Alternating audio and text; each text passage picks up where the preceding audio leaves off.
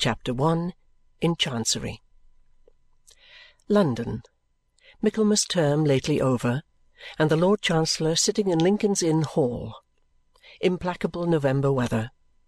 As much mud in the streets as if the waters had but newly retired from the face of the earth, and it would not be wonderful to meet a megalosaurus forty feet long or so, waddling like an elephantine lizard up Holborn Hill.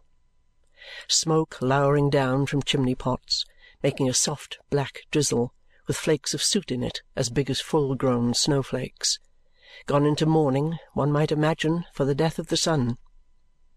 Dogs, undistinguishable in mire horses, scarcely better, splashed to their very blinkers; foot passengers jostling one another's umbrellas in a general infection of ill temper, and losing their foothold at street corners where tens of thousands of other foot passengers have been slipping and sliding since the day broke, if this day ever broke, adding new deposits to the crust upon crust of mud sticking at those points tenaciously to the pavement and accumulating at compound interest.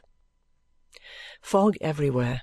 Fog up the river where it flows among green aits and meadows, fog down the river where it rolls defiled among the tiers of shipping and the waterside pollutions of a great and dirty city, fog on the Essex marshes, fog on the Kentish heights, fog creeping into the cabooses of collier brigs, fog lying out on the yards and hovering in the rigging of great ships, fog drooping on the gunwales of barges and small boats fog in the eyes and throats of ancient Greenwich pensioners, wheezing by the firesides of their wards, fog in the stem and bowl of the afternoon pipe of the wrathful skipper down in his close cabin, fog cruelly pinching the toes and fingers of his shivering little prentice boy on deck.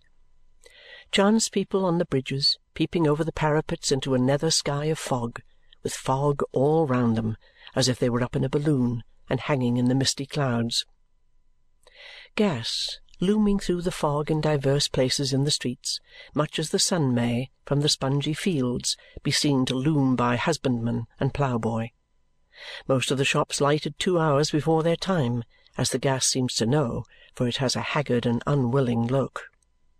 The raw afternoon is rawest, and the dense fog is densest, and the muddy streets are muddiest near that leaden-headed old obstruction, appropriate ornament for the threshold of a leaden-headed old corporation, Temple Bar. And hard by Temple Bar, in Lincoln's Inn Hall, at the very heart of the fog, sits the Lord High Chancellor in his High Court of Chancery.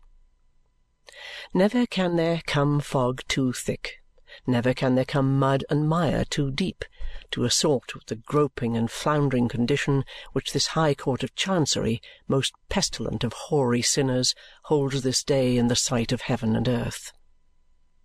On such an afternoon, if ever, the Lord High Chancellor ought to be sitting here, as here he is, with a foggy glory round his head, softly fenced in with crimson cloth and curtains, addressed by a large advocate with great whiskers, a little voice, and an interminable brief, and outwardly directing his contemplation to the lantern in the roof, where he can see nothing but fog. On such an afternoon some score of members of the High Court of Chancery Bar ought to be, as here they are, mistily engaged in one of the ten thousand stages of an endless cause, tripping one another up on slippery precedents, groping knee-deep in technicalities, running their goat-hair and horse-hair warded heads against walls of words, and making a pretence of equity with serious faces, as players might. On such an afternoon the various solicitors in the cause, some two or three of whom have inherited it from their fathers, who made a fortune by it, ought to be, as are they not, ranged in a line in a long matted well but you might look in vain for truth at the bottom of it. Between the registrar's red table and the silk gowns, with bills, cross-bills, answers, rejoinders, injunctions, affidavits, issues, references to masters, masters' reports, mountains of costly nonsense piled before them.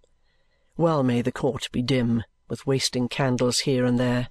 Well may the fog hang heavy in it, as if it would never get out. Well may the stained glass windows lose their colour and admit no light of day into the place.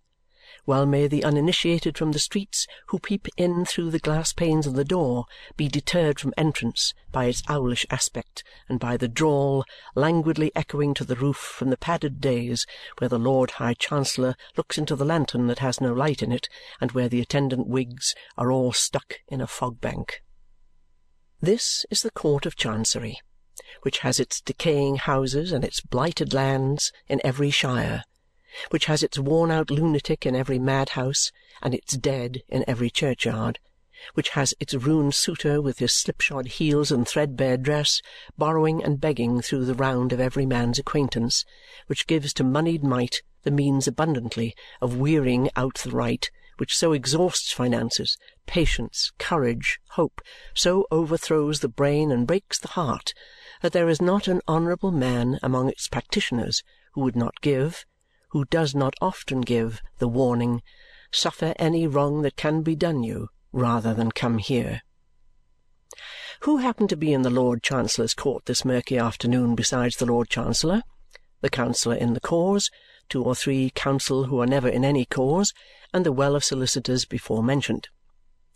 There is the registrar below the judge, in wig and gown, and there are two or three maces, or petty bags, or privy purses, or whatever they may be, in legal court suits. These are all yawning, for no crumb of amusement ever falls from Jarndyce and Jarndyce, the cause in hand, which was squeezed dry years upon years ago.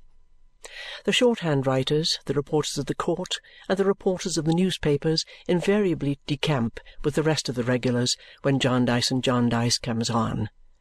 Their places are a blank. Standing on a seat at the side of the hall, the better to peer into the curtained sanctuary, is a little mad old woman in a squeezed bonnet who is always in court, from its sitting to its rising, and always expecting some incomprehensible judgment to be given in her favour. Some say she really is, or was, a party to a suit, but no one knows for certain because no one cares. She carries some small litter in a reticule which she calls her documents, principally consisting of paper matches and dry lavender.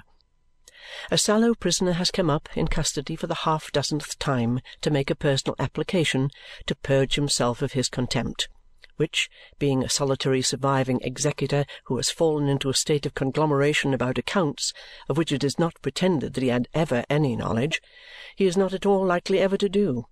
In the meantime his prospects in life are ended.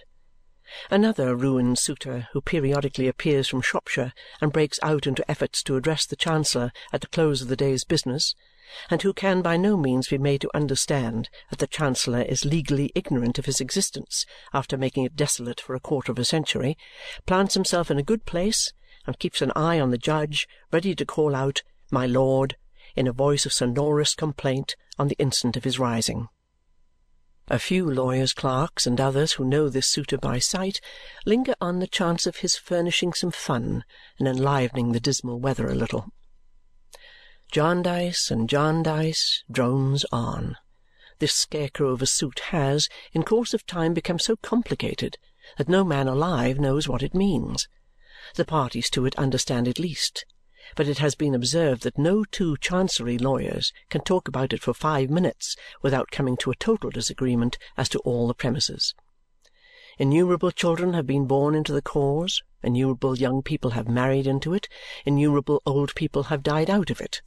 Scores of persons have deliriously found themselves made parties in Jarndyce and Jarndyce without knowing how or why. Whole families have inherited legendary hatreds with the suit. The little plaintiff or defendant who was promised a new rocking horse when Jarndyce and Jarndyce should be settled has grown up, possessed himself of a real horse, and trotted away into the other world. Fair wards of court have faded into mothers and grandmothers a long procession of Chancellors has come in and gone out. The legion of bills in the suit have been transformed into mere bills of mortality. There are not three Jarndyces left upon the earth, perhaps, since old Tom Jarndyce, in despair, blew his brains out at a coffee-house in Chancery Lane. But Jarndyce and Jarndyce still drags its dreary length before the court, perennially hopeless. Jarndyce and Jarndyce has passed into a joke. That is the only good that has ever come of it. It has been death to many, but it is a joke in the profession. Every master in Chancery has had a reference out of it. Every Chancellor was in it for somebody or other when he was counsel at the bar. Good things have been said about it by blue-nosed, bulbous-shoed old benchers in select port wine committee after dinner in hall. Article clerks have been in the habit of fleshing their legal wit upon it. The last Lord Chancellor handled it neatly when, correcting Mr. Blowers, the eminent silk gown, who said that such a thing might happen when the sky rained potatoes, he observed, "Or when we get through Jarndyce and Jarndyce, Mr. Blowers," a pleasantry that particularly tickled the maces, bags, and purses. How many people out of the suit Jarndyce and Jarndyce has stretched forth its unwholesome hand to spoil and corrupt would be a very wide question. From the master upon whose impaling files reams of dusty warrants in Jarndyce and Jarndyce have grimly writhed into many shapes, down to the copying clerk in the Six Clerks' Office who has copied his tens of thousands of Chancery folio pages under that eternal heading, no man's nature has been made better by it. In trickery, evasion, procrastination, spoliation, botheration, under false pretences of all sorts there are influences that can never come to good. The very solicitors' boys who have kept the wretched suitors at bay by protesting time out of mind that Mr. Chizzle, Mizzle, or otherwise was particularly engaged and had appointments until dinner may have got an extra moral twist and shuffle into themselves out of Jarndyce and Jarndyce. The receiver in the cause has acquired a goodly sum of money by it, but has acquired, too, a distrust of his own mother and a contempt for his own kind. Chizzle, Mizzle, and otherwise have lapsed into a habit of vaguely promising themselves that they will look into that outstanding little matter and see what can be done for Drizzle, who is not well used, when Jarndyce and Jarndyce shall be got out of the office. Shirking and sharking in all their many varieties have been sown broadcast by the ill-fated cause, and even those who have contemplated its history from the outermost circle of such evil have been insensibly tempted into a loose way of letting bad things alone to take their own bad course, and a loose belief that if the world go wrong, it was in some off-hand manner never meant to go right. Thus, in the midst of the mud and at the heart of the fog, sits the Lord High Chancellor in his High Court of Chancery. "Mr. Tangle," says the Lord High Chancellor, latterly something restless under the eloquence of that learned gentleman. "Mlud," says Mr. Tangle. Mr. Tangle knows more of Jarndyce and Jarndyce than anybody.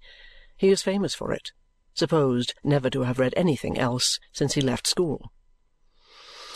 "Have you nearly concluded your argument?" "Mlud. No. Variety of points. Feel it my duty to submit, Ludship is the reply that slides out of Mr. Tangle. "Several members of the bar are still to be heard, I believe," says the Chancellor with a slight smile. Eighteen of Mr. Tangle's learned friends, each armed with a little summary of eighteen hundred sheets, bob up like eighteen hammers in a pianoforte, make eighteen bows, and drop into their eighteen places of obscurity. "We will proceed with the hearing on Wednesday fortnight," says the Chancellor, for the question at issue is only a question of costs, a mere bud on the forest tree of the parent suit, and really will come to a settlement one of these days. The Chancellor rises, the bar rises, the prisoner is brought forward in a hurry, the man from Shropshire cries, "My lord! Maces, bags, and purses indignantly proclaim silence and frown at the man from Shropshire. "In reference," proceeds the Chancellor, still on Jarndyce and Jarndyce, "to the young girl "Big Ludship's pardon. Boy," says Mr. Tangle prematurely.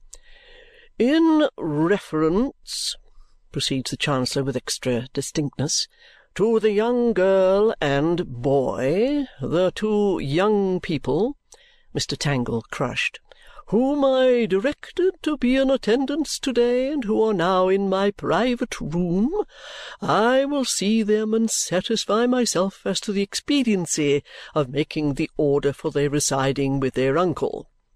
Mr. Tangle on his legs again. "Beg Lordship's pardon. Dead." "With their Chancellor looking through his double eye-glass at the papers on his desk. "Grandfather. Beg Ludship's pardon. Victim of rash action. Brains." Suddenly a very little counsel, with a terrific bass voice, arises, fully inflated, in the back settlements of the fog, and says, "Will your lordship allow me? I appear for him. He is a cousin several times removed. I am not at the moment prepared to inform the court in what exact remove he is a cousin, but he is a cousin." Leaving this address, delivered like a sepulchral message ringing in the rafters of the roof, the very little counsel drops, and the fog knows him no more. Everybody looks for him. Nobody can see him. "I will speak with both the young people," says the Chancellor anew, "and satisfy myself on the subject of their residing with their cousin. I will mention the matter to-morrow morning when I take my seat." The Chancellor is about to bow to the bar when the prisoner is presented. Nothing can possibly come of the prisoner's conglomeration but his being sent back to prison, which is soon done. The man from Shropshire ventures another remonstrative "My lord!" but the Chancellor, being aware of him, has dexterously vanished. Everybody else quickly vanishes too. A battery of blue bags is loaded with heavy charges of papers and carried off by clerks. The little mad old woman marches off with her documents. The empty court is locked up.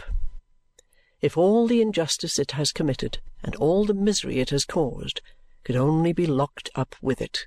And the whole burnt away in a great funeral pyre. Why, so much the better for other parties and the parties in Jarndyce and Jarndyce.